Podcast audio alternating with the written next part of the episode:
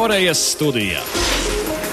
Karstākie jaunumi, precīzākās prognozes un interesantākie viedokļi.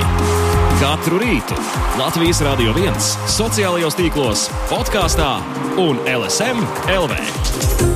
Ziemas Olimpiskās spēles Ķončkana. Koreja. ar precīzākajām prognozēm. Uh, Jā, ar precīzākajām mm, prognozēm un uh, interesantākajiem viedokļiem pie jums šorīt ā, kārtējo ā, rītu ir Korejas studija. Ar jums kopā Kārlis Dagilis. Arī Mārtiņš Kļavinieks, un eh, šī rīta viesis mums Korejas studijā ir eh, kalnu slēpotājs Miks Zvejnieks. Labrīt! Labrīt. Skaidrs, ka tas kontekstā ar Kristapu Zvejnieku, kurš eh, pavisam nesen Korejā un, nu, gan nefinišēja pirmajā braucienā slalomā, bet tomēr pabeidza savas trešās olimpiskās spēles. Nu, šādā vecumā, 26 gados, tas vēl pietiekami. Tas jau ir pietiekami daudz, bet gadu skaita ziņā nemaz viņš nav pietuvojies savai karjeras izskaņai. Tā kā vēl pats pats pīķis priekšā, tā kā iespējams būs vēl daudz olimpisko spēļu. Jā, nu pēc pirmā brauciena mēs vienkārši varam arī pateikt klausītājiem, kāds bija tas uh, uh, Kristapa rezultāts.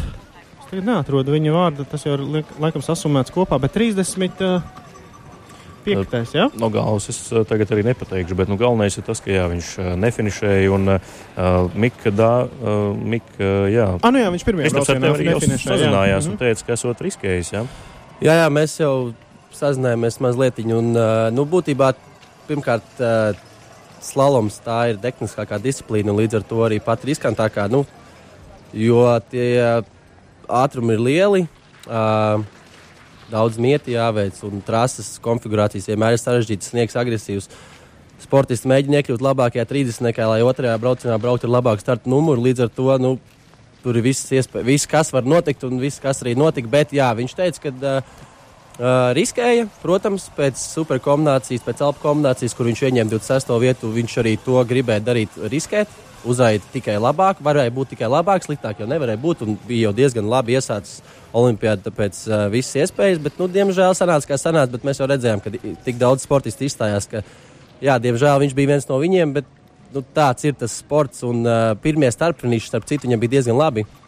Uh, tā tendence bija diezgan laba, un, ja ar tādiem starpfinišiem viņš būtu ticis līdz lejai, viņš noteikti būtu iekļuvis 30. un tad arī visas iespējas. Bet, nu, ko vairs, ko, kā būtu, ja būtu. Bet, Jā, bet viņš, man liekas, nav tik, viņš teica, ka tik varbūt traki nav arī sabēdājies. Nu, kā sanāca, tā sanāca. Gal galā arī čempionu, čempions Marcels Hiršers uh, nefinišēja. Jā, kas bija īstenībā mazliet pārsteigums, jo es godīgi sakot, ļoti ir tā, ka tos top, top sportistus, kas ir top 3, top 5, ļoti reti var redzēt izstājoties. Un, nu, Marcels Hiršers izstājās līdz ar to.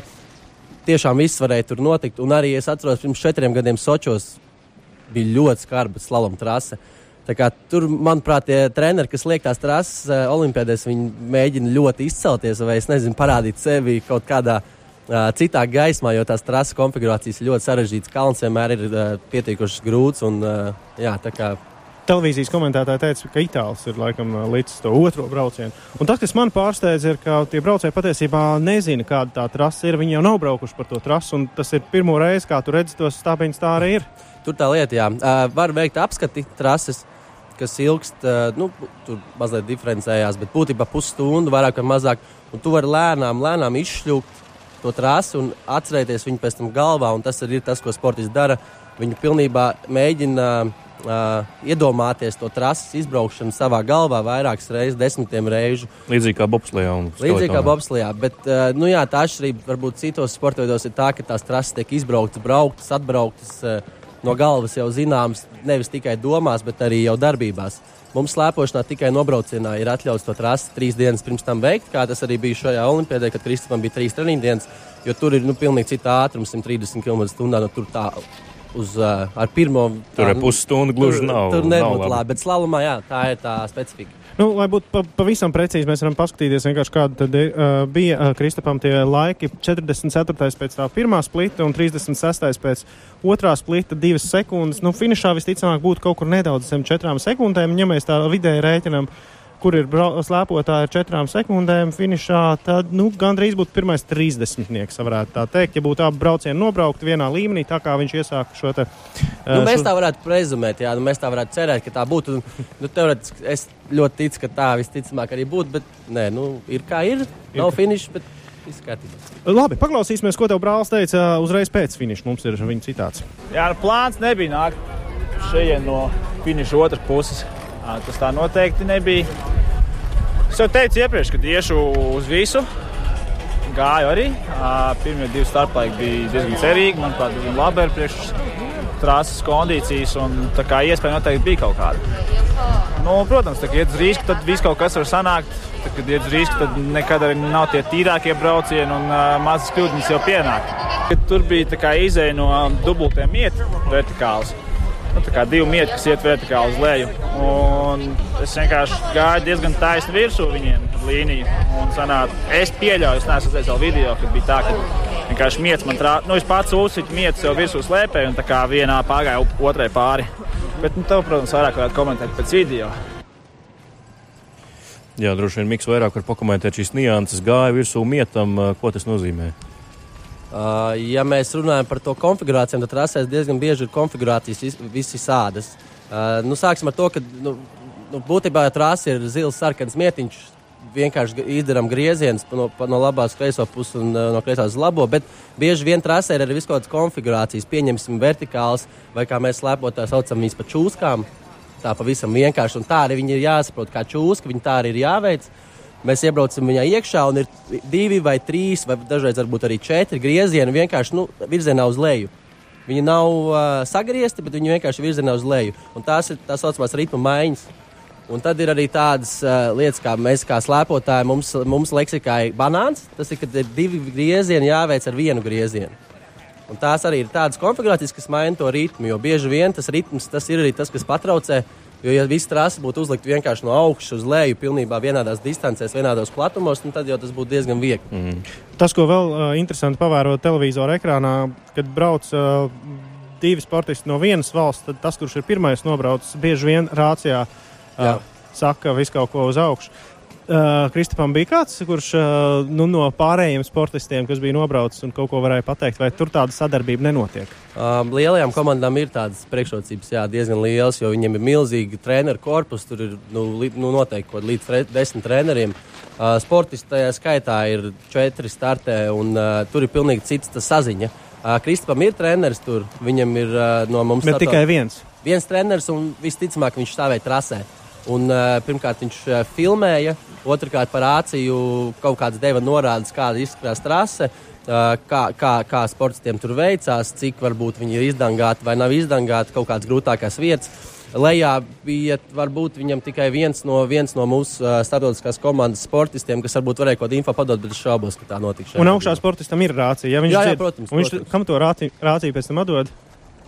Tur- Jūs tur- domājat, tā loģistiski vienkārši Jā, nu, tad Nē, sniegā. tās aizkulī- Nē, aizkulis. parasti tas diezgan vienkārši. Tur ir tas nekas tāds nav sarežģīts. Tas rācija parasti kaut kādā somā stāv pie starta.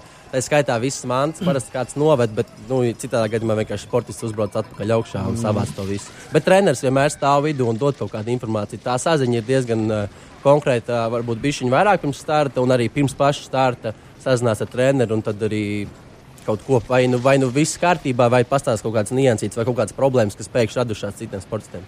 Kristaps jau arī izteicās, ka viņš pats smērēja savus slēpes. Tā kā pats ir arī ekipējis. Jā, es nezinu, vai par laimi vai diemžēl, bet jā, tā ir tā situācija. Lielām komandām, kurām ir liela finansējuma, viņām ir iespējas nopirkt tās tā teikt, slēpju servisa servis, uh, cilvēks, kas to dara. No rīta līdz vakaram uz kalna pie, nu, ne pienas slēpes, bet pilnībā palīdz ar visu ekipējumu jautājumu. Nu, Kristaps to dara pats, vēl mēs neesam tikuši tik tālu, lai viņam būtu pašam savs, uh, savs servisa cilvēks, bet tā, protams, ir liela priekšrocība ar laiku. Um, ja tu uzticies tam cilvēkam, viņš var ļoti daudz palīdzēt. Jo viņš ir profesionāls, viņš zina, kas ir jādara, viņš zina, kā ir jādara, viņš zina, kā tev patīk, kā tev nepatīk. Kāds tieši slēpjas, sagatavots, kādā kantas ir uh, asumā uzasināts. tā Kā, protams, ka tā ir priekšrocība. Bet viņš pats īstenībā ir diezgan liels profesionāls. Es domāju, ka ja viņš beigtu savu karjeru, viņš varētu brīvi Atrast darbu kā slēpes mērētājs. Un īstenībā tā ir diezgan atalgota profesija, un īstenībā tas, tas galīgi nav nekas tāds nonēvājošs. Cik uh, liela nozīme ir slēpju sagatavotībai pirms uh, starta? Nu, mēs zinām, bobslējās lietas izšķir gandrīz visu. Uh, cik daudz uh, liela nozīme ir slēpēm? Nu, es teiktu, ka kalnu slēpošanā tomēr tas sportists ir tas, kas veic to trasi. Un, uh, mēs nevaram teikt, ka slēpjas. Varbūt, ja jūs sakat, ka citos sportos tā, nu, varbūt tā ir, ka kaut ko vairāk ietekmē. Bet, uh, protams, ka slēpēm jābūt labi sagatavotām. Bez tā mēs nevaram iztikt. Viņām ir jābūt izcili sagatavotām. Bet uh, sajūta vienmēr visiem ir slēpts. Ka, ja viss slēpts, uh, katrs, slē, katrs uh, firmas slēpts ir kārtīgi sagatavots, tur nav tās atšķirības, nav tādas. Un tur ne, ne, uh, tas noteikti nevarēs nobraukt lejā un teikt, ka man slēpēm kaut kas tur nebija. Nu, tas nebūs tas arguments, ko mēs varēsim paļauties. Jā, nu, kopumā savalkot par kalnu slēpošanu, šis laikam arī bija pēdējais starts mūsējiem. Leldi jau ir pabeigusi un jau, man liekas, arī Rīgā ir atbraukusi atpakaļ. Tā vajadzēja būt, jā. Nu, tas bija arī pēdējais starts Kristapam. Divi rezultāti - 26. vieta, kas ir atkārtots labākais olimpiādas sasniegums kalnu slēpošanā un arī milzu slalomā 35. vieta. Kristaps pats arī minēja par to riskēšanu. Nu, viņa mērķos bija ierakstīts pirmais 20. un tad droši vien arī tas mērķis, tas risks arī, protams, ir skaidrs, kāpēc viņš riskē. Jo 26. viņš jau bija. Kāpēc, kāpēc cīnīties varbūt atkal par kādu 30. vietu, ja var pacīnīties? Es īstenībā pieņemu, ka viņš varbūt arī Alpu kombinācijā bija ierakstījis savus mērķus uh, top 30. Es pieņemu, ka tā varēja būt. Slavumā, jā, taisnība, uh, 20. Bet tā doma ir tāda, ka un slēpošanā svarīgi ļoti tikt tajā top 30. Ja tu tiec pirmajā 30. tad otrā trasē sportists startē apgrieztā secībā, pirmais 30 labākie. Apgrieztā secībā, ko tas nozīmē? Tas nozīmē, ka trases kondīcija ir daudz labāka pirmajiem sportistiem, kas otrajā braucienā startē. Jo vienmēr, tā trase jau paliek ar laiku mazliet sliktākā stāvoklī, izdangājās, kaut kādas bedrītes parādās, kaut kādas rises. Ja tas sniegs nav tik ciets, arī ja viņš ir ciets, tās rises ir cietas. Līdz ar to ir mazliet jau uh, jāpieliek lielāks pūles un arī ir lielāks darbs jāiegūt, lai to trasi veiktu tikpat ātri. Jo, protams, ka ja tā trase ir pilnīgi gluda, nu, tiem sportistiem ir zināmas priekšrocības. Līdz ar to tas mērķis pirmajā trasē ir, protams, iebraukt tajā top 30. Un otrajā trasē pilnīgi visas iespējas ir arī tajā 20. iebraukt. Un, ja tas būtu noticis, nu, es nezinu, kā būtu. Bet tad arī tās, tā arī tā doma iekļūt tajā top 30. Un otrajā braucienā riskēt varbūt pat vēl vairāk. Nu, ne jau vienmēr risks nozīmē izstāties. Tā nebūtu. Nav tā vienkārši tas uh, procentuāli, diemžēl, palielinās tā iespēja. Pacelties uz augšu arī ir iespējams, jo daudzi, kas brauc priekšā, ir risks, ka viņi izstāsies. Protams, tas arī notiek. Labi, ļoti interesants uh, ieskats uh, kaunu slēpošanā. Mums, man liekas, nekas uh, šāds no rīta uh, mūsu kore, rīta Korejas studijās vēl nebija līdz šim. Tā kā tiešām mēs par kaunu slēpošanu uzzinājām ļoti daudz. Bet, nu, protams, uh, ka mēs uh, ļoti daudz sekojam līdzi arī citiem mūsu startiem un arī treniņu braucieniem, jo īpaši. Un, Protams, nākamos treniņu braucienus šorīt ir aizvadījuši arī mūsu bobslīsti.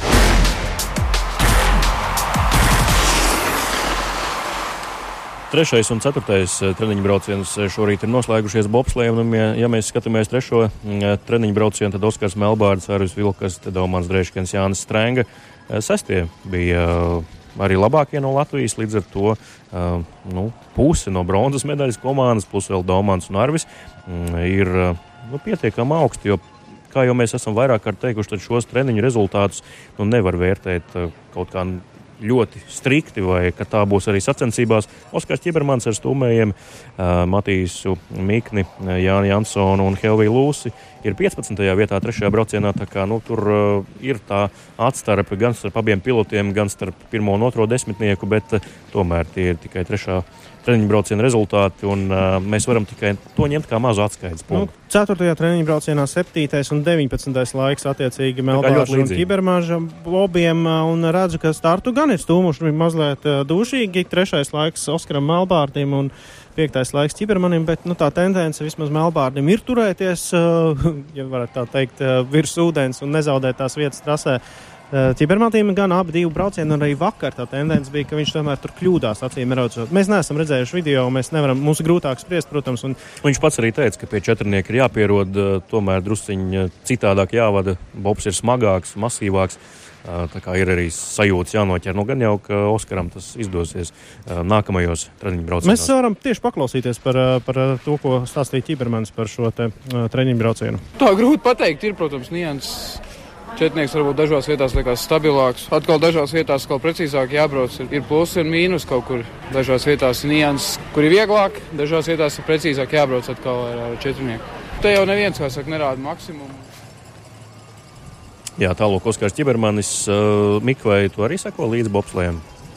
Protams, es sekoju visiem sporta veidiem. Tur jau nav iespējams arī neskot, ja tu, ja tu pat nebūtu interesēts, jo tas internets taču ir pilns ar tām ziņām. Un, protams, ka nē, es kā sportists sekoju visiem līdzi un priecājos tikai par tiem uh, labajiem sasniegumiem, kad viņi ir un kad viņi atnāk. Protams, prieks arī iz, ne tikai kalnu slēpošana, pilnībā neesmu tikai norobežojies. Jā. Vēl viens, vēl viens sporta veids, kur piedalās zvejnieki, ir šortreks. Roberts Jānis Zvejnieks nav. Jūs taču neesat radinieki. Nē, nav. Cik es zinu, nē. Cik es zinu, nē. Jā, bet nu, īkšķi par viņu ir jātur un paklausīsimies arī par šor, šīs dienas šortreku.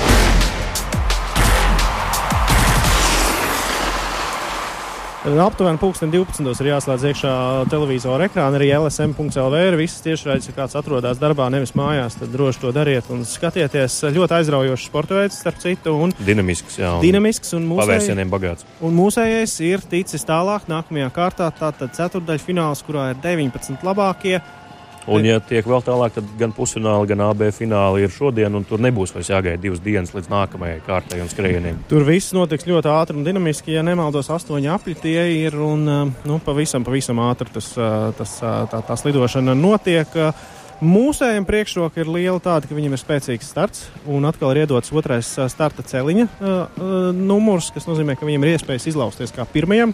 To viņš jau pierādīja arī priekšsacīksties, kur uh, olimpisko čempionu kanādieti apsteidza startā. Tiesa nenoturējās beigās, bet otro vietu gan. Jā, bet, nu, tā, bet nu, treneris stratēģija tāda arī bija, lai viņš izslido kā pirmais to startu un tad uh, skatīties tālāk, kas notiek distancē. Nu, visticamāk, tāda stratēģija varētu būt arī šodien. Uh, Bet kas interesanti, tad patiesībā treneris ar sportistu par to stratēģiju nemaz tik iepriekš nerunā. Paklausīsimies treneru Evitu Krievānu, kas um, bija intervēta vakar un tieši par šodien gaidāmo startu.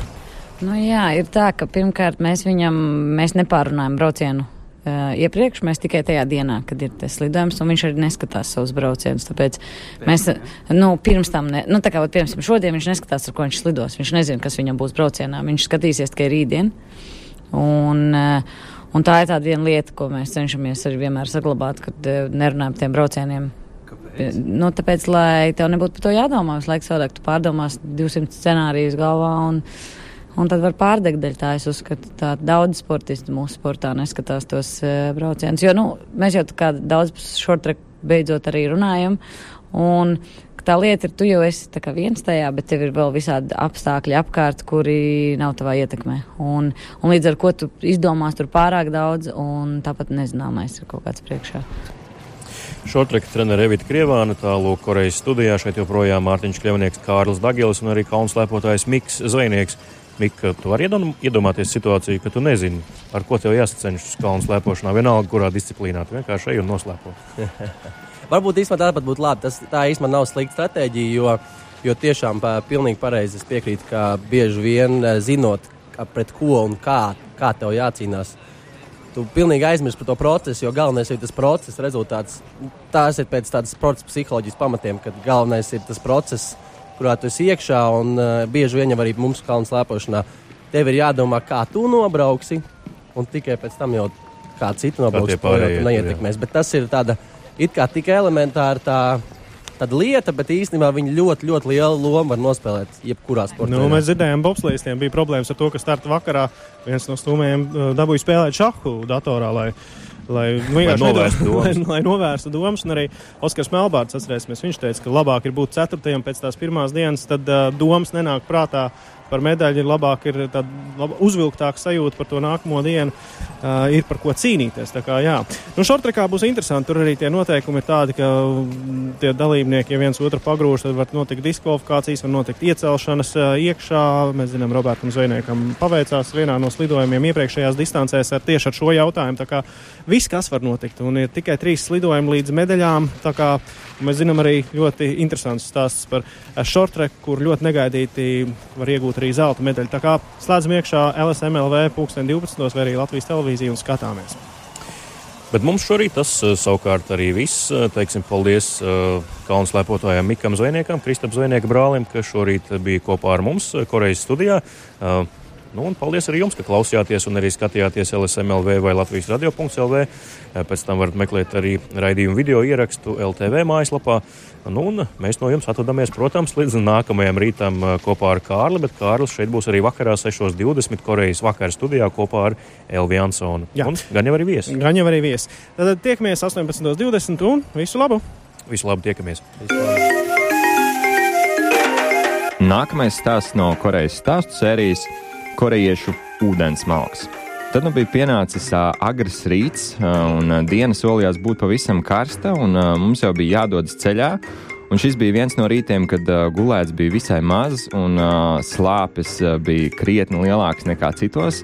Rītos uh, iepriekšējā vakarā bijām uh, iepazinušies ar uh, soģu kultūru, un uh, tad nu, visnotaļ tādā steidzīgā ritmā devāmies ceļā uz uh, kādu pasākumu, kas noritēja turpat netālu. Šajā pasākumā mums bija jābūt tautstērpos, bet jādejo mums nebija. Līdz ar to atmosfēra bija visai brīva, bet uh, lieta bija tāda, ka dodoties ceļā mēs nebijām paņēmuši līdzi pietiekoši daudz ūdens. Un, um, lielākajai daļai no kolektīva uh, diezgan liels tuksnesis mutēs un ļoti, ļoti slāpst un uh, vajadzīgs kaut kur atrast ūdeni. Pa ceļam arī nekur nevarējām piestāt, iegādāties. Mēs bijām diezgan lielā steigā. Tad, nu, ierodoties galpunktā, Gigi teica, ka pasākumu vietās ir daudz ūdens automātu. Tur arī varēsim mierīgi veldzēt savas slāpes. Un, Atraduši šos automātus, mēs uh, nopriecājāmies, ka jā, tvertnes ir lielas un pilnas ar ūdeni, varēsim kārtīgi padzerties. Bet problēma radās tajā brīdī, kad sapratām, ka tur nav glāzīšu. Korejieši ļoti taupa materiālu un uh, tilpne, kurā ir iespējams šo ūdeni ievietot, ir neliela papīra tūtiņa, apmēram 40 līdz 50 ml liela. Un pie automātiem drusmējās daudz cilvēku, bērnu, un tad mēs tādu pavisam izslāpuši tiešām gribējām vienkārši padzerties, bet tas nebija tik viegli izdarāms ar šo vienu ūdens malku.